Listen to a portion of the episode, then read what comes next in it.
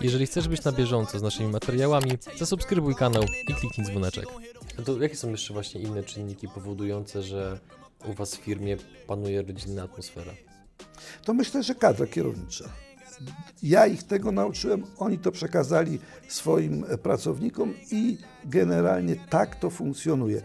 Zdecydowanie prościej się pracuje. Jeżeli od pracownika się nie wymaga, nie wymusza się, tylko go się przekonuje, że trzeba to zrobić. I w momencie, kiedy on jest przekonany, to zrobi najlepiej, jak potrafi. Mhm. Nagrodą w konkursie będą 3 kg cukierków wyprodukowane przez Pana firmę. Powiedzmy pralinek czekoladowych z, tej, z, tej, z tego poziomu najdroższych i najlepszych. Okej, jak, jak to mniej więcej objętościowo będzie wyglądało? O, jeżeli chodzi o 3 kg, no to będzie pewnie taki karton. Okej, to czy, czy, czyli duże, Będzie dużo, będzie tak. duże. Partnerami kanału są mBank, DPD, Twoi eksperci w doręczaniu, SN Accounts, Twój księgowy w UK, Webe Partners, sieć afiliacyjna dla e-commerce. Linki do partnerów w opisie materiału.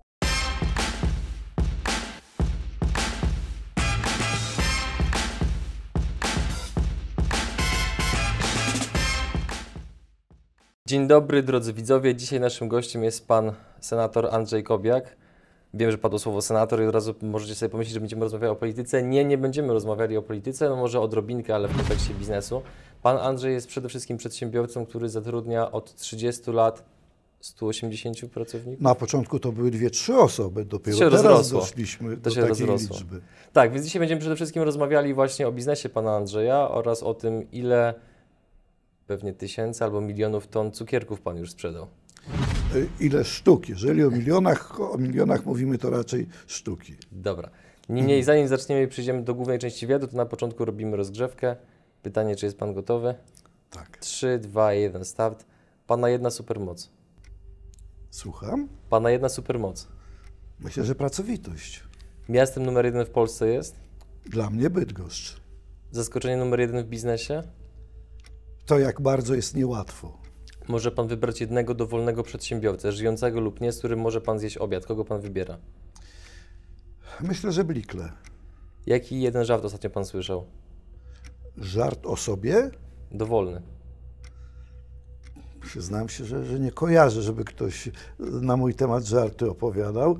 Natomiast to sam opowiadam na temat kolegów senatorów żarty. Z kim miał pan pierwszą bójkę? Z bratem, ale to musiało być bardzo, bardzo dawno. Generalnie nie używam siły i wręcz wyznaję zasadę, że po to Pan Bóg dał ludziom rozum, żeby nie używali rąk. Może spełnić pan jedno biznesowe życzenie. Jakie? Prostszy system podatkowy w Polsce. Jakiej jednej cechy nie znosi pan w ludziach? Arogancji i głupoty. Mamy to. Panie Andrzeju, jak to się stało, że pan wszedł w biznes związany z cukierkami? Generalnie tak mniej więcej wyglądała moja droga zawodowa. Ja zacząłem pracę, jestem inżynierem mechanikiem, zacząłem pracę najpierw e, w Pomaszu, taka bydgoska firma, która produkowała maszyny dla przemysłu spożywczego, a później pracowałem w Jutrzence. I to przez 8 lat. W związku z tym ze słodyczami miałem od samego początku do czynienia. Zdecydowałem się na najtrudniejszą część branży cukierniczej, a mianowicie na czekoladę. Zakładając, że jest to obszar, przynajmniej wtedy, gdy zaczynałem 30 lat temu, mało znany, otwarty i tutaj rzeczywiście pracą, pomysłami, ale i ryzykiem można było jakoś wystartować. A czemu najtrudniejszy to jest obszar? Generalnie czekolada jest przedmiotem bardzo chimerycznym. Nie ma szkół, które by kształciły czekoladziarzy.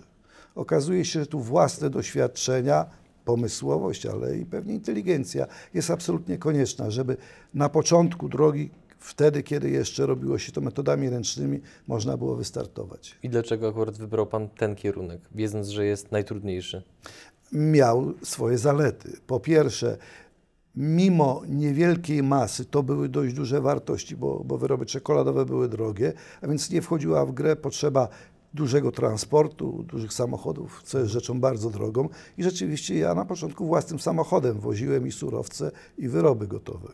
To jak pan wspomina pierwszych tak 5-10 pracowników, jak to się rozwijało od samego początku? Na początku to było trzech Które, pracowników. jakie to były lata w ogóle? To było 30 lat temu. Czyli to były w sumie lata 90. 90. Mhm. Mhm. Mhm. No, zacząłem od tego, że jako mechanik zbudowałem najprostszą maszynę do czekolady, zresztą według własnego pomysłu. Kupiłem na zachodzie, jak wtedy się mówiło, parę form i przy pomocy tych form i tej mojej maszyny rozpoczęliśmy produkcję w kilogramach dziennie, bo tak, tak to wyglądało. I pracowały trzy osoby i mhm. produkując tam 5-10 kilo dziennie rozpoczynaliśmy walkę o rynek, o zbyt, ale też zdobywaliśmy doświadczenie. Robiliśmy to w wydzierżawionej piwnicy restauracji, ponieważ na nic więcej wtedy nie było nas stać. Mhm. A co było najtrudniejsze w tamtym okresie?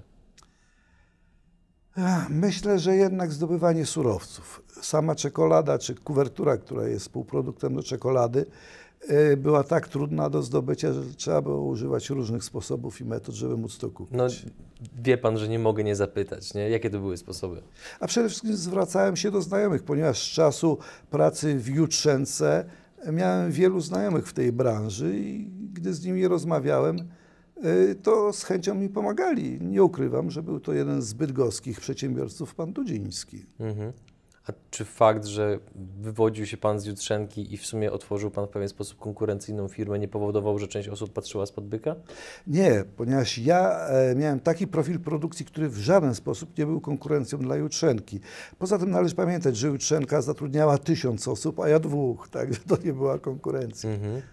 Jak wyglądały kolejne fazy rozwoju firmy? Tak jakbyśmy mogli właśnie to prześledzić tak na zasadzie retrospekcji aż do dnia dzisiejszego. No więc z tej piwnicy wyszliśmy z podziemia i dzierżawiliśmy w Gostycynie pomieszczenia już na parterze. Później wydzierżawiliśmy y, w Tucholi duże pomieszczenia. Później te pomieszczenia sukcesywnie żeśmy wykupywali i w tej chwili jesteśmy właścicielem obiektu, w którym dzieje się produkcja ale też y, od razu postawiliśmy na możliwość współpracy z zagranicą, a zwłaszcza z Niemcami, naszym najbliższym i największym partnerem handlowym, ale było to jeszcze przed wejściem Polski do Unii i z tamtej strony była bardzo duża rezerwa i, i, i, i taka chęć sprawdzenia nas, ale okazało się, że jakoś tam spełniliśmy te kryteria. W sensie, że byli nie do końca ufni, tak? Tak, tak i to zdecydowanie. Nie ukrywam, że to, że, że pracowaliśmy w Tucholi, w Borach Tucholskich bardzo nam pomogło. Dlaczego? Ponieważ firmy niemieckie, znaczy nie ma szansy jeszcze pewnie do dzisiaj, aby polski producent wyrobów czekoladowych w poważny sposób wszedł na rynek niemiecki. Niemcy uważają dobre, bo niemieckie, niemieckie, bo dobre i trzeba niestety produkować pod szyldami niemieckimi. I również ta firma, z którą zaczynaliśmy współpracę, y, wychodziła z założenia, że owszem, my możemy zrobić, ale oni będą sprzedawać pod, swoim, pod swoją mhm. marką. Czyli dadzą stempel po prostu. Tak. Zresztą oni też byli producentem e, bardzo dobrych słodyczy i, i tutaj żeśmy znaleźli wspólny obszar działania. Ale ich kontrola, ponieważ kontrolę oni, oni przewidywali cały czas, zaczęła od tego, że sprawdziła, jakie jest powietrze, jaka jest woda w Tucholi. I później o. właściciel powiedział mi prostą rzecz, że maszyny to wy możecie kupić, nauczyć się produkować możecie. Dobrą czekoladę ja mogę wam dostarczyć, ale jeżeli jest brudne powietrze, to wyrób czekoladowy nigdy nie będzie dobry. Ponieważ produkcja wyrobów czekoladowych to jest proces otwarty. Jeżeli na Śląsku na kilometr spada ileś tam kilogramów pyłu, no to ten pył znajduje się w czekoladzie później. A akurat bory tucholskie mają tę zaletę, że powietrze jest bardzo czyste. I rzeczywiście, aż zaskoczenie było takie, że produkowaliśmy wyrób pod tytułem berlińskie powietrze no, dla Niemców i śmieliśmy się, że berlińskie powietrze najczystsze jest w Tucholi. A to, to rozumiem, to był pewien przypadek, że trafiliście do Tucholi, tak? To, to, to nie było zamierzone działanie. Y, pewnie tak. To był przypadek, ponieważ po pierwsze, wynajem jakiegoś lokalu w Bydgoszczy był dużo droższy niż w Gostycynie, to jest pod Tucholą. Mhm a po drugie też załatwienie w urzędach w Bydgoszczy czegokolwiek graniczyło z cudem. Natomiast w Tucholi zdecydowanie łatwiej, bo byli ludzie bardziej życzliwi, bardziej otwarci. Mhm. Było, było można w sposób normalny rozmawiać. W Bydgoszczy z urzędnikami nie było można rozmawiać. Okej. Okay. Czyli tak, mamy właśnie nawiązanie kontaktów handlowych z Niemcami i co się dzieje później? No i myśmy przez wiele lat rozwijali produkcję dla, dla Niemców. Yy, do momentu, kiedy jeszcze euro, czy najpierw marka, później mhm. euro do złotówki wyglądało bardzo pozytywnie, no to była, była to dobra, e, dobry interes. W którymś momencie był, była taka bardzo, było bardzo duże tąpnięcie waluty i euro spadło 4,80 chyba na, na 3,80. My mając kontrakty, nagle okazało się, że, że jesteśmy w całej produkcji pod kreską i że, że nawet pracownikom nie bardzo możemy zapłacić wynagrodzenia ze względu na te ceny. Co prawda wtedy nie, Niemcy przyszli z pewnym zrozumieniem dla sytuacji. Udało się, mimo zawartej umowy, nieco podnieść ceny, no ale tym niemniej firma stanęła na, na, na krawędzi bankructwa. I wtedy postanowiliśmy budować sobie drugą nogę krajową. Myśmy kiedyś produkowali 90-95% wyrobów na zachód. Zdecydowaliśmy, że musimy mieć rynek krajowy. Od tego czasu mniej więcej staramy się proporcjonalnie robić połowę na eksport, połowę w kraju. A eksportujecie tylko do Niemiec? Nie, to jest również Holandia, to, to, jest, to jest i Belgia, i do Włoch, z tym, że to nie są wielkie ilości. My nie jesteśmy tak naprawdę dużą firmą.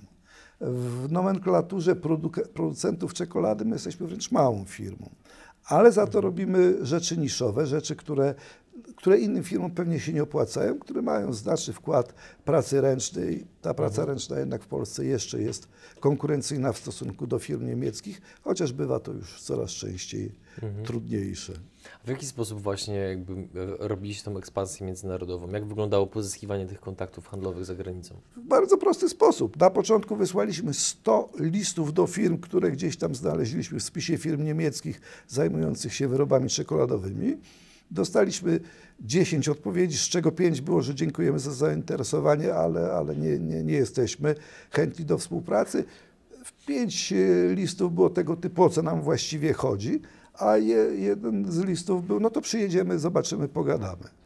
I okazało się, że to była firma też niezbyt wielka jak na warunki niemieckie, bo oni zatrudniali około 200 osób, ale firma z niesamowitymi tradycjami. Była to firma, która jeszcze dwór austro-węgierski zapatrywała w pralinki. Nawiasem mówiąc, e, nazwa e, zawadę, ale gdzieś tam rozmawiając z właścicielem mówi, że być może jest to polskie nazwisko e, Polaka, który kiedyś w Berlinie założył firmę produ- produkującą wyroby czekoladowe. I właściwie z tą firmą zaczęliśmy współpracę na, na coraz większym poziomie. No później okazało się, że, e, że już nasze możliwości produkcyjne są więcej. Dogadaliśmy się, że możemy sami e, na rynku zagranicznym, na rynku niemieckim czy, czy, czy, czy belgijskim próbować sprzedawać nasze wyroby. No i to krok po kroku się działo, aż do tego momentu tąpnięcia waluty, gdzie, gdzie rzeczywiście było trudno. Jak sobie poradziliście z tą sytuacją?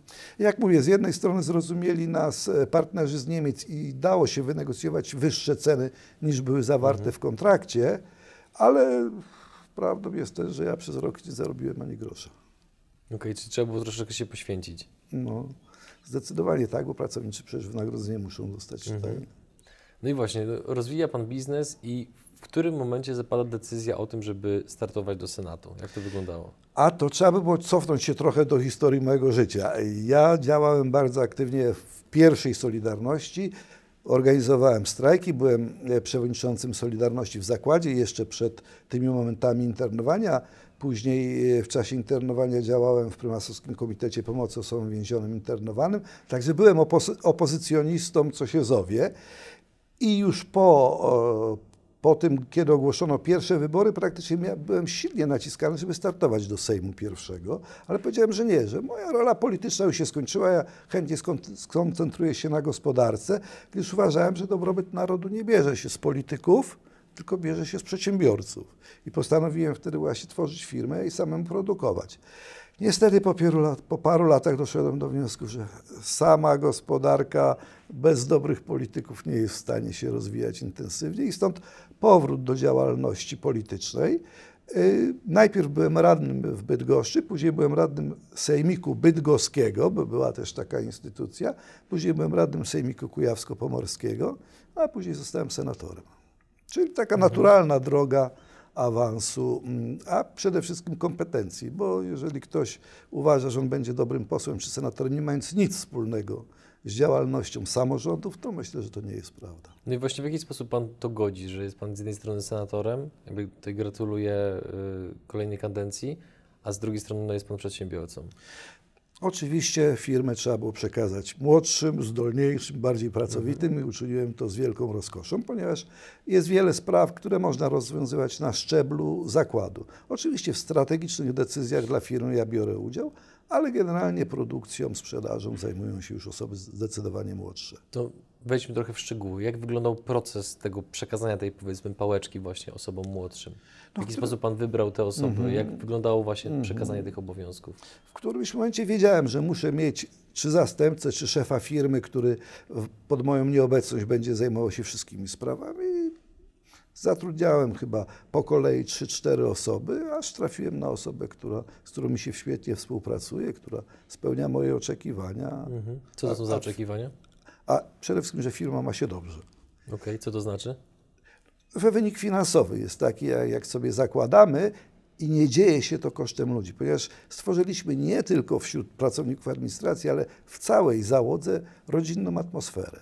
Każdy z każdym się wita, rozmawia, może mówić o swoich problemach, przyjść w dowolnym momencie. Nie ma tego, że ja z kimś nie będę chciał rozmawiać, wręcz przeciwnie. Im y, to jest wyższego szczebla pracownik, tym go bardziej odkładam, niech pan przyjdzie za godzinę, za dwie. Dla, dla pracowników produkcyjnego mam zawsze czas i natychmiast, jeżeli ktoś zapuka i mówi, że chciałby dwa zdania zamienić, to przerywam nawet, jeżeli coś mam ważnego i chętnie rozmawiam. Dlatego osób, które jakby się zwolniły od nas jest niewiele. Odeszły na emeryturę czy w jakiś inny naturalny sposób, Okej. ale tak e, nie, nie spotkałem zdania takiego, że on nie chce u nas pracować, bo idzie do innej firmy, gdzie będzie miał lepiej. A jeżeli takie się rzeczy zdarzały, to najczęściej po roku wracał. Mhm. A to jakie są jeszcze właśnie inne czynniki powodujące, że u Was w firmie panuje rodzinna atmosfera? To myślę, że kadra kierownicza. Ja ich tego nauczyłem, oni to przekazali swoim e, pracownikom i generalnie tak to funkcjonuje. Zdecydowanie prościej się pracuje. Jeżeli od pracownika się nie wymaga, nie wymusza się, tylko go się przekonuje, że trzeba to zrobić. I w momencie, kiedy on jest przekonany, to zrobi najlepiej, jak potrafi. Mhm. A czy Wasza firma jakkolwiek odczuwa to, że wielu przedsiębiorców to powtarza, że w tej chwili właśnie jest rynek pracownika? Oczywiście. Y, Myśmy nigdy nie traktowali problemów z zatrudnieniem jako argumentu dla pracodawcy. Uważaliśmy, że wręcz przeciwnie. Im jest gorzej na rynku pracy, tym bardziej staraliśmy się nawet zatrudniać osoby, które nie przynosiły efektu dla firmy, ale mieliśmy świadomość, że, e, że z jednej strony pozyskamy wdzięczność tego pracownika, i pomożemy mu jakoś. Tuchola jest małym miastem, tam jeden o drugim wszystko wie. W związku z tym zbudowaliśmy sobie bardzo dobrą opinię w całym mieście. I to nam w wielu sprawach pomaga, również w kontaktach z urzędami. Mhm. Ale taka, taka metoda daje, mm, daje pozytywne efekty. Mhm. Tutaj zapytam trochę przewrotnie, na ile w kontaktach z urzędami pomaga ją dobre relacje, a na ile to, że jest Pan senatorem? Gro rozwoju firmy to jest jednak moment, kiedy ja nie byłem senatorem i wtedy były najtrudniejsze, e, najtrudniejsze sprawy. Nie sądzę, żeby w tej chwili to w jakiś sposób pomagało, wręcz przeciwnie. Są wyższe oczekiwania, wyższe standardy wobec mojej firmy niż każdej innej firmy. A Dlaczego? Taki jest sposób myślenia. Pamiętam, że e, kiedyś była jeszcze, jeszcze parę lat temu, kiedy było z z zatrudnieniem dość ciężko, były przyznawane przez urzędy pracy możliwość tworzenia stanowisk pracy, czyli przyznawane pieniądze. I myśmy wystąpili, wystąpiły dwie firmy w Tucholi. Było 20 miejsc.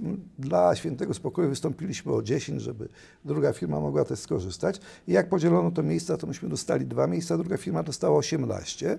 Po czym po pół roku ta firma splajtowała i ci ludzie znowu znaleźli się na bruku. A no, u nas te dwie osoby zatrudnione pewnie jeszcze do dzisiaj pracują. I pytałem e, osobę, która e, de, decyzję podejmowała, czemu w taki dziwny sposób to zrobiła. No i dostałem odpowiedź, właśnie pan jest senatorem, panu nie trzeba pomagać. Pomagać trzeba tym, którzy mają problemy. No, tylko okazało się, że problemy były takie, że to nie była pomoc, tylko, tylko jakieś wyciągnięcie w pewnym, w pewnym sensie pieniędzy publicznych. Bo to, że oni przez pół roku dłużej pracowali, bo im Urząd Pracy zwracał e, płace, no to niczego tej firmie nie dało. Czyli warto może pomagać lepszym. No tak, jakby widzowie dajcie znać, co, co o tym myślicie, chętnie poznamy Waszą opinię. Idąc dalej, jak wygląda w tej chwili nadzór nad firmą? Jak to jest wszystko poukładane? Bo powiedział Pan jeszcze, kiedy byliśmy przed nagraniem wywiadu, że w tej chwili jakby wiele rzeczy jest już jakby dzieje się poza panem z uwagi na to, że firma jest dobrze zorganizowana. No i właśnie jak organizuje się firmę, żeby mogła działać bez właściciela albo większościowego udziałowca? Jest szef, który rządzi. Ja jestem gdzieś tam z boku jako głos doradczy czy osoba e, podejmująca decyzje najistotniejsze. Jest jednoosobowy szef, który, który ma pełną władzę i tutaj nie ma wątpliwości, kto rządzi na co dzień. Schemat jest prosty. Jest szef, e, ma dwóch zastępców, jest, są szef, jest szef produkcji, są brygadziści. Tak jak w normalnej firmie jest to zorganizowane, tylko system jest przestrzegany.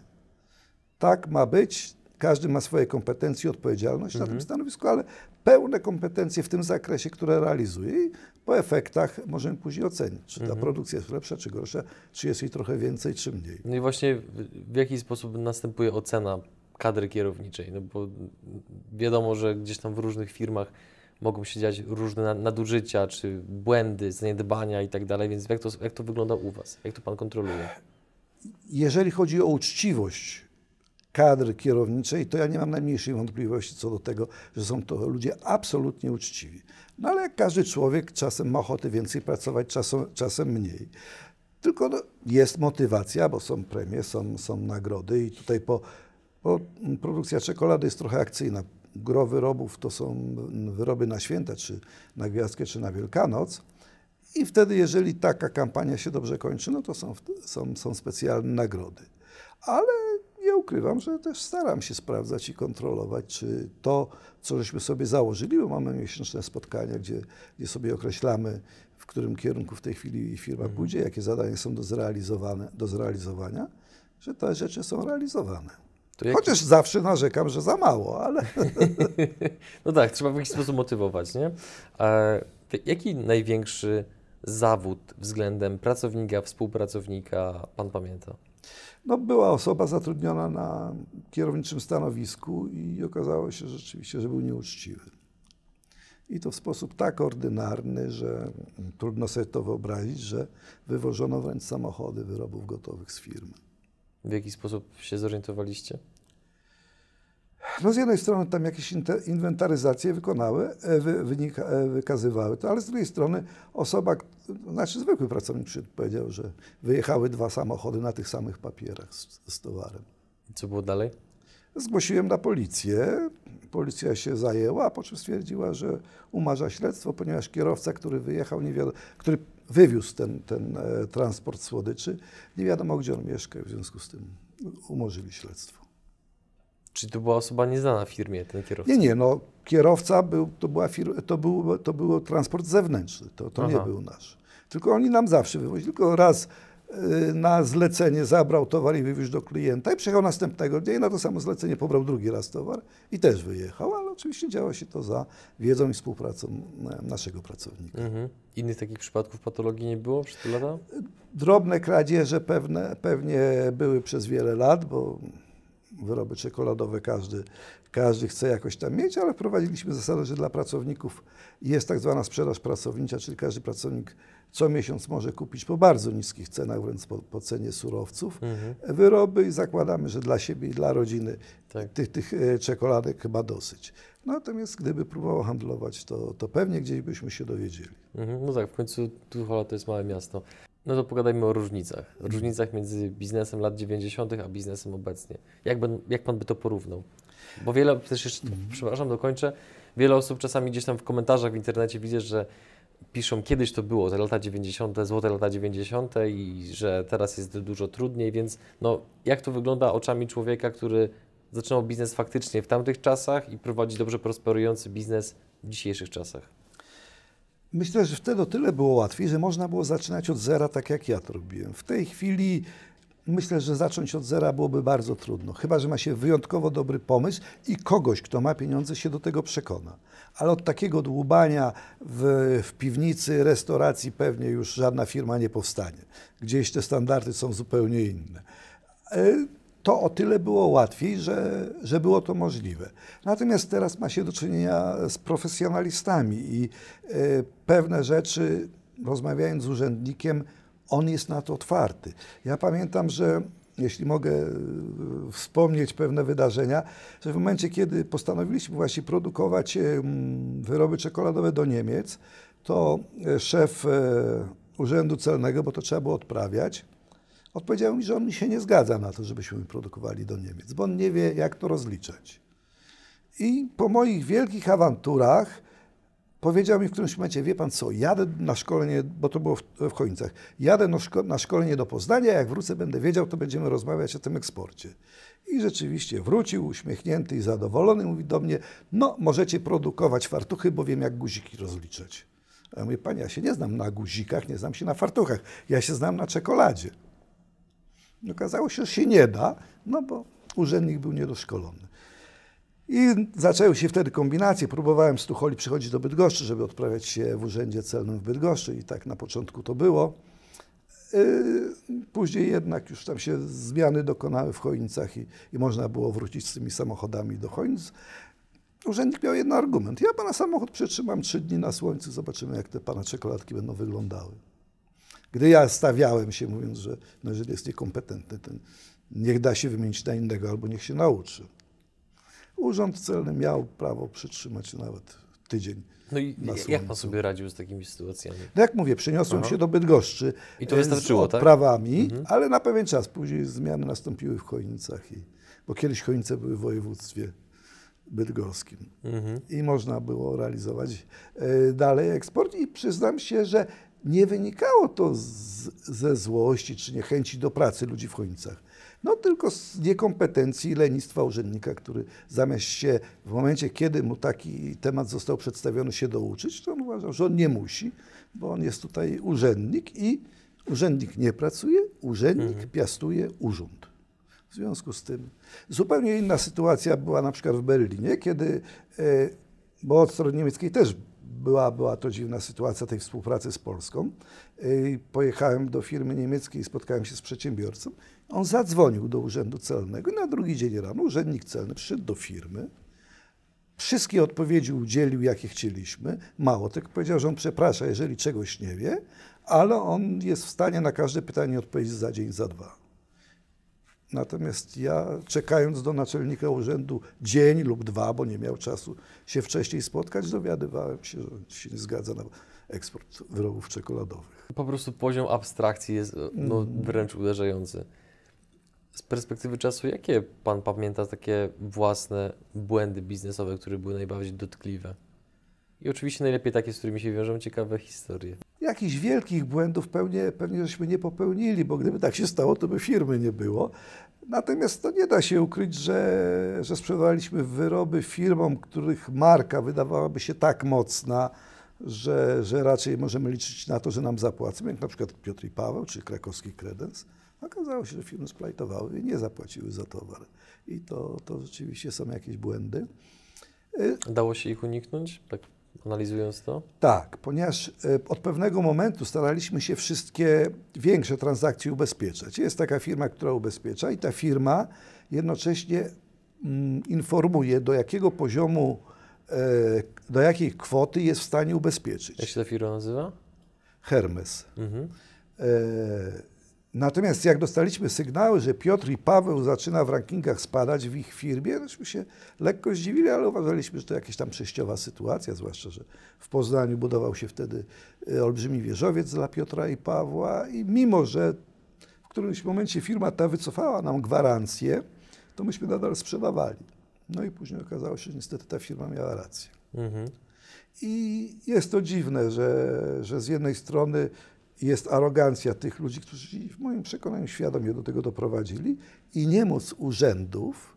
Panowie ci jeżdżą Porsche, mają wspaniałe domy, jachty, tam było czterech właścicieli, no a ci, którzy dostarczyli towar, musieli sobie wpisać w stratę olbrzymie kwoty. Hmm, dlaczego pan uważa, że to było świadome? No ponieważ jeżeli gdzieś tam obroty to była drobna część inwestycji właśnie w olbrzymie budynki w Poznaniu. No to chyba gdzieś tam był zamysł tego, że pokazujemy, jacy jesteśmy wielcy, niech klienci się nie boją, no ale dotrzymujemy dużą ilość towarów i nie płacimy za nie. Jakie były jeszcze inne błędy? Myślę, że jakichś technologicznych większych nie mieliśmy, bo y, każdy producent czasem musi wycofać towar z rynku z jakichś tam powodów. Y, w branży spożywczej to jest bardzo ważne, bo, bo to jest jednak może powodować pewne niebezpieczeństwo. Próbowaliśmy y, współpracować y, z najbardziej znaną marką w Polsce, jeżeli chodzi o wyroby czekoladowe. Nie okazało się, że oni dość cynicznie nas wykorzystali. W jaki sposób? Pokazali nam wyrób, który i spytali się, czy jesteśmy w stanie to wyprodukować. I rzeczywiście myśmy zaczęli produkować i pierwsze partie poszły, a później oni zrezygnowali. Okazało się, że oczywiście byli u nas na kontroli ich technolodzy kilka razy, zobaczyli jak się to produkuje i sami uruchomili produkcję.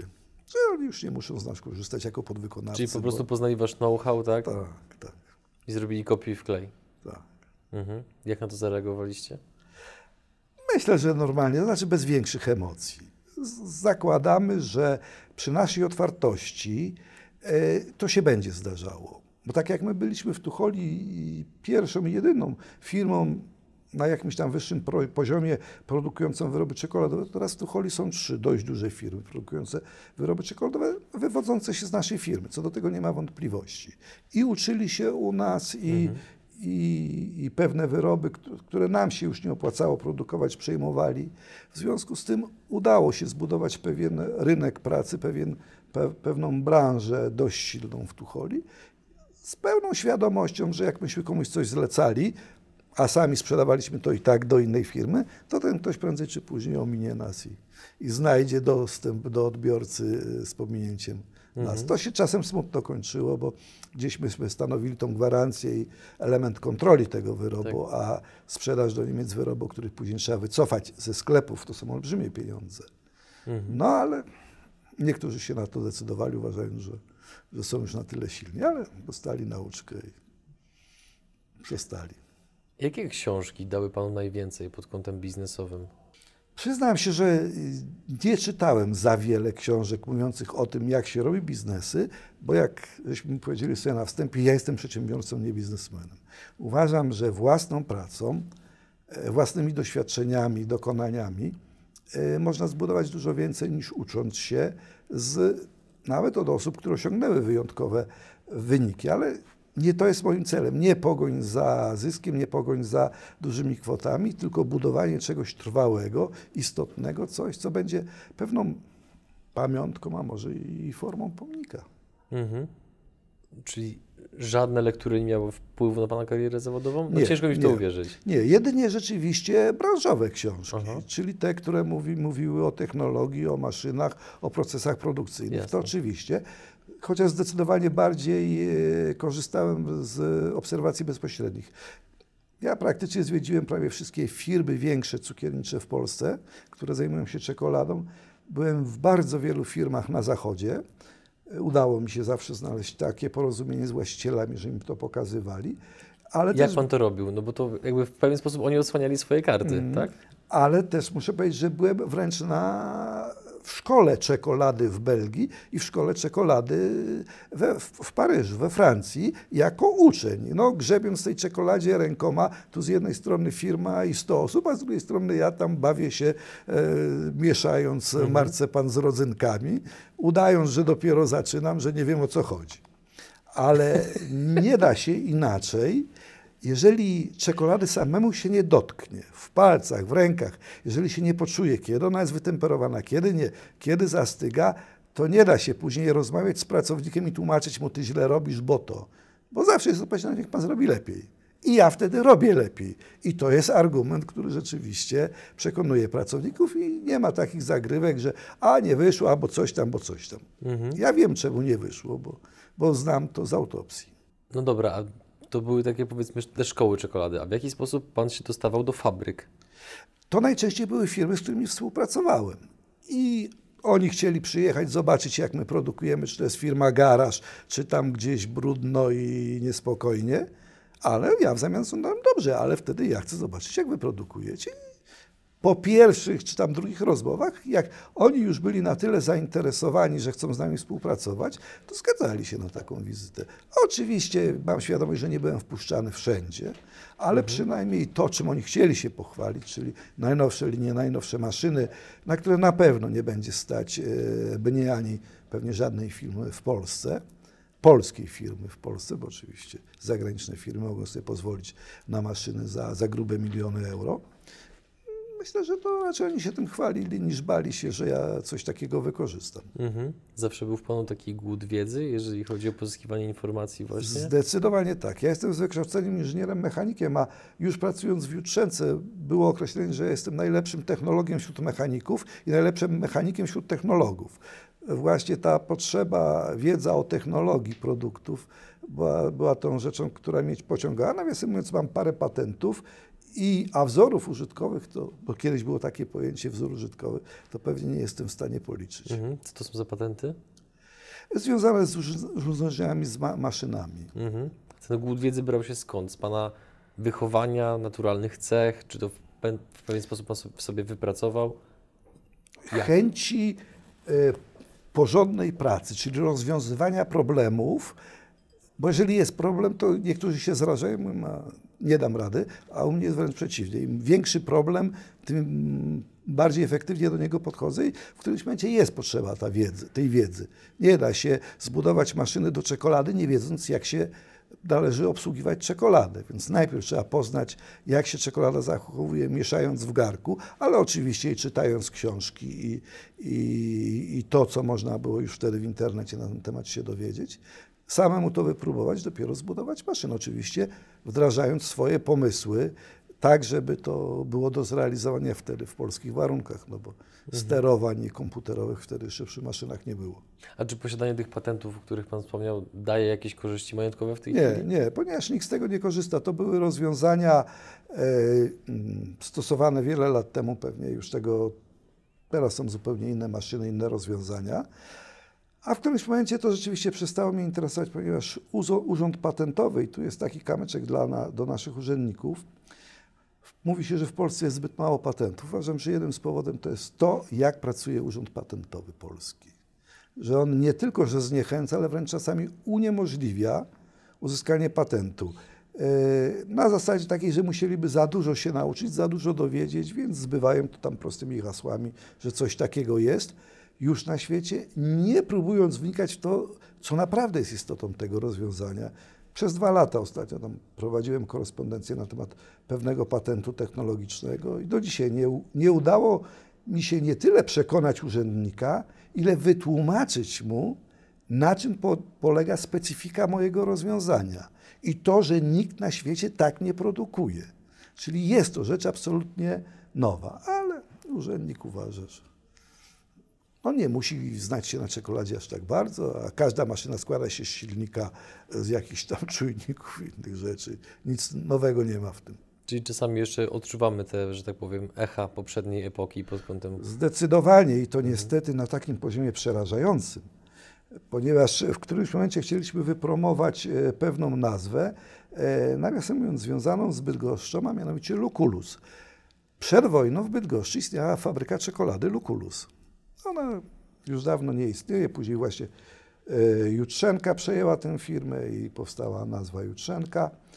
Ale chciałem wprowadzić tą firmę Luculus i zaczęliśmy produkować wyroby z taką nazwą. Okazało się po pięciu latach, że inna firma zastrzegła sobie nazwę Luculus. Po pięciu latach od momentu, kiedy myśmy to wdrożyli, więc na jakiej zasadzie Urząd Patentowy mógł komuś udzielić patentu. I występując do urzędu mm, e, patentowego, zwróciłem na to uwagę.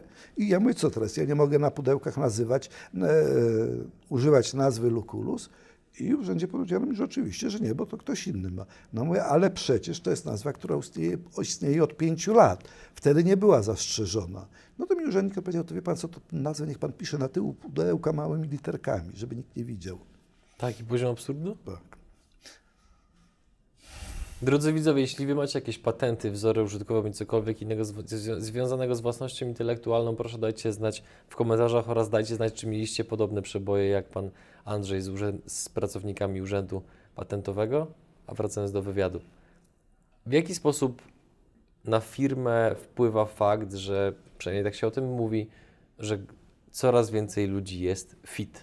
Jakkolwiek odczuwacie to pod kątem spadku sprzedaży i tak dalej, zapotrzebowania właśnie na słodycze, czy nie?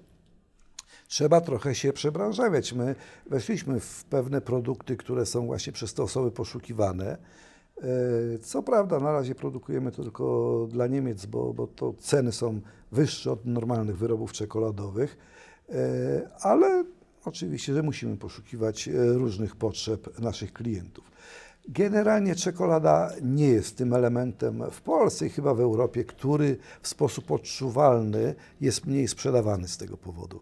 Polska ma jeszcze olbrzymi potencjał w produkcji i- spożyciu czekolady, tak jak w Europie, w tych krajach, e, o których mówimy, starych członkach Unii, spożywa się rzędu 7-8 kg czekolady e, rocznie na jednego obywatela, to w Polsce to jest rzędu 5-6, czyli Polska jeszcze będzie pod względem czekoladowym się rozwijać, niezależnie od trendów różnych.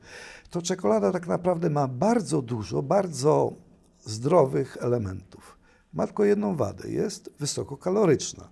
No ale to coś kosztem czegoś. Jak się zje czekoladę, to nie, nie, nie- należy jeść zaraz schabowego. Albo pączka. Albo pączka, tak jest. Panie Andrzeju, dziękuję za wywiad, za rozmowę. Niemniej, zanim postawimy ostateczną kropkę, no to musimy... Ale jeśli można, chciałem No. jeszcze o jednej rzeczy powiedzieć o tym, jak teraz ma się biznes. Znaczy Aha, ja, no to proszę, ja proszę. jestem e, trochę przerażony tym, jak wygląda nasza gospodarka i uważam, że my zaczynamy staczać się po równi pochyłej, jeżeli chodzi o gospodarkę. E, Niestety odeszliśmy od systemu, który teoretycznie stworzyliśmy, czyli społecznej gospodarki rynkowej, ponieważ społeczna to ona może jeszcze jest, ale już nie rynkowa. Proszę zwrócić uwagę, że w normalnej gospodarce rynkowej firmy, które mają dobre pomysły, potrafią skutecznie wyprodukować, sprzedać, mają takie zyski, że są w stanie inwestować w nowe produkty, w nowe, w nowe linie czy w nowe maszyny. U nas, jeżeli popatrzymy w telewizor, czego nie zalecam, to widzimy, że jeżeli jest gdzieś otwierana nowa linia, nowa hala, to zaraz się mówi, że to są za pieniądze unijne. I to jest prawda. W Polsce nie ma już inwestycji pochodzących z dochodów firm. Trzeba umieć napisać projekt, a najczęściej umieć znaleźć firmę, która dobrze napisze projekt, dostanie się wtedy pieniądze unijne. Czyli tak naprawdę jest to pewna forma koncesji. Czyli my mamy gospodarkę społeczno-koncesyjną. Jak do, napiszesz dobrze projekt, to dostaniesz pieniądze i możesz się rozwijać. To, że stworzyłeś dobry produkt, że go e, nawet dobrze sprzedajesz, to nie jesteś w stanie zarobić tyle, żeby móc budować nową halę czy otwierać nową linię. Niestety polskie firmy w ostatnich latach, mimo że sprzedają coraz więcej, bo gospodarka produkuje coraz więcej, mają coraz gorsze wyniki finansowe, jeżeli chodzi o zyski, a mało tego, coraz bardziej zadłużają się w bankach. Trudno mówić, że gospodarka dobrze się rozwija, jeżeli firmy nie mają zysków wystarczających na inwestycje i coraz częściej muszą zaciągać kredyty. Tak jak z anegdotą o pacjencie, operacja się udała, tylko pacjent nie przeżył. Gospodarka się rozwija, tylko firmy plajtują. Nie jest to dobra perspektywa dla Polski dla polskiej gospodarki. To zapytam być może w imieniu niektórych widzów, którzy słuchając tej wypowiedzi mogliby zadać sobie pytanie w głowie, ok, Panie Andrzeju, to co Pan robi jako senator w tym kierunku, żeby to zmienić? Dotąd mogłem niewiele, ponieważ to trzeba wprowadzić pewne ustawy gospodarcze. I yy, będąc w opozycji, czyli mając mniejszość w Senacie, taka ustawa w ogóle nie będzie procedowana. Teraz jest szansa, żeby to zmienić. W związku z tą propozycją podwyżki najniższych płac o 200 zł netto, czyli tam e, 200 ileś brutto, zwróciłem się z pismem do premiera, gdyż uważam, że to bardzo mocno uderzy w polskie firmy. Zwróciłem się z taką propozycją, że owszem, pracownicy powinni dostać najniżej zarabia- zarabiający tę podwyżkę 200 zł, ale żeby nie było trzeba od tej kwoty odpro- odprowadzać haraczu do państwa. Żeby nie trzeba było podatków, ZUS-ów i innych rzeczy. Jeżeli rząd decyduje się dać pracownikom podwyżki z pieniędzy firm, to dobrze, ale niech rząd nie żąda, że teraz również przedsiębiorca zapłaci tyle do, do, do państwa, do budżetu państwa. Bo tak naprawdę, jeżeli pracownik dostanie 200 zł, to państwo dostanie 230 zł. Czyli państwo tak naprawdę, rząd przyznał sobie podwyżki, a przy okazji pracownikom, co akurat przed wyborami ładnie wyglądało. I tutaj trzeba postawić tam temu zjawisku. To nie jest problem dla Warszawy, Krakowa czy Torunia, gdzie osób zarabiających najniższą kwotę jest niewiele. Tam są generalnie wyższe zarobki, to dotknie niewielkiej liczby osób. Ale w całej Polsce powiatowej, gdzie przedsiębiorcy naprawdę walczą o każdy grosz, a pracownicy rozumieją, że muszą trochę mniej zarabiać, bo pewnie ich koszty utrzymania są zdecydowanie niższe, to dla tych firm będzie to bardzo duże wyzwanie. Ja naprawdę boję się, że rozpocznie się regres gospodarczy bardzo silnie. Dlatego taki apel do pana premiera.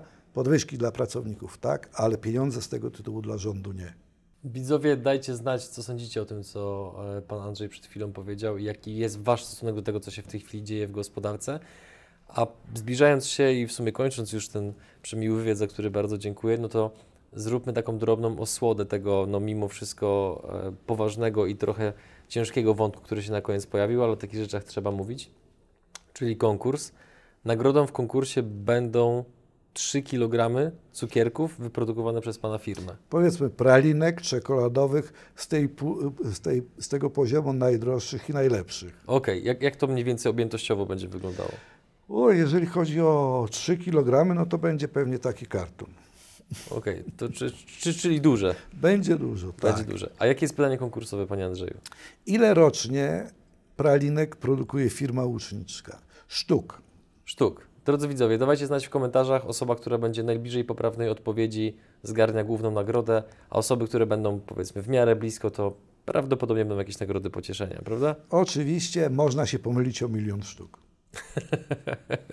Doskonale. Panie Andrzeju, bardzo dziękuję za rozmowę Bardzo i dziękuję również. do zobaczenia szybciej niż później. Dziękuję bardzo. Dziękuję Państwu.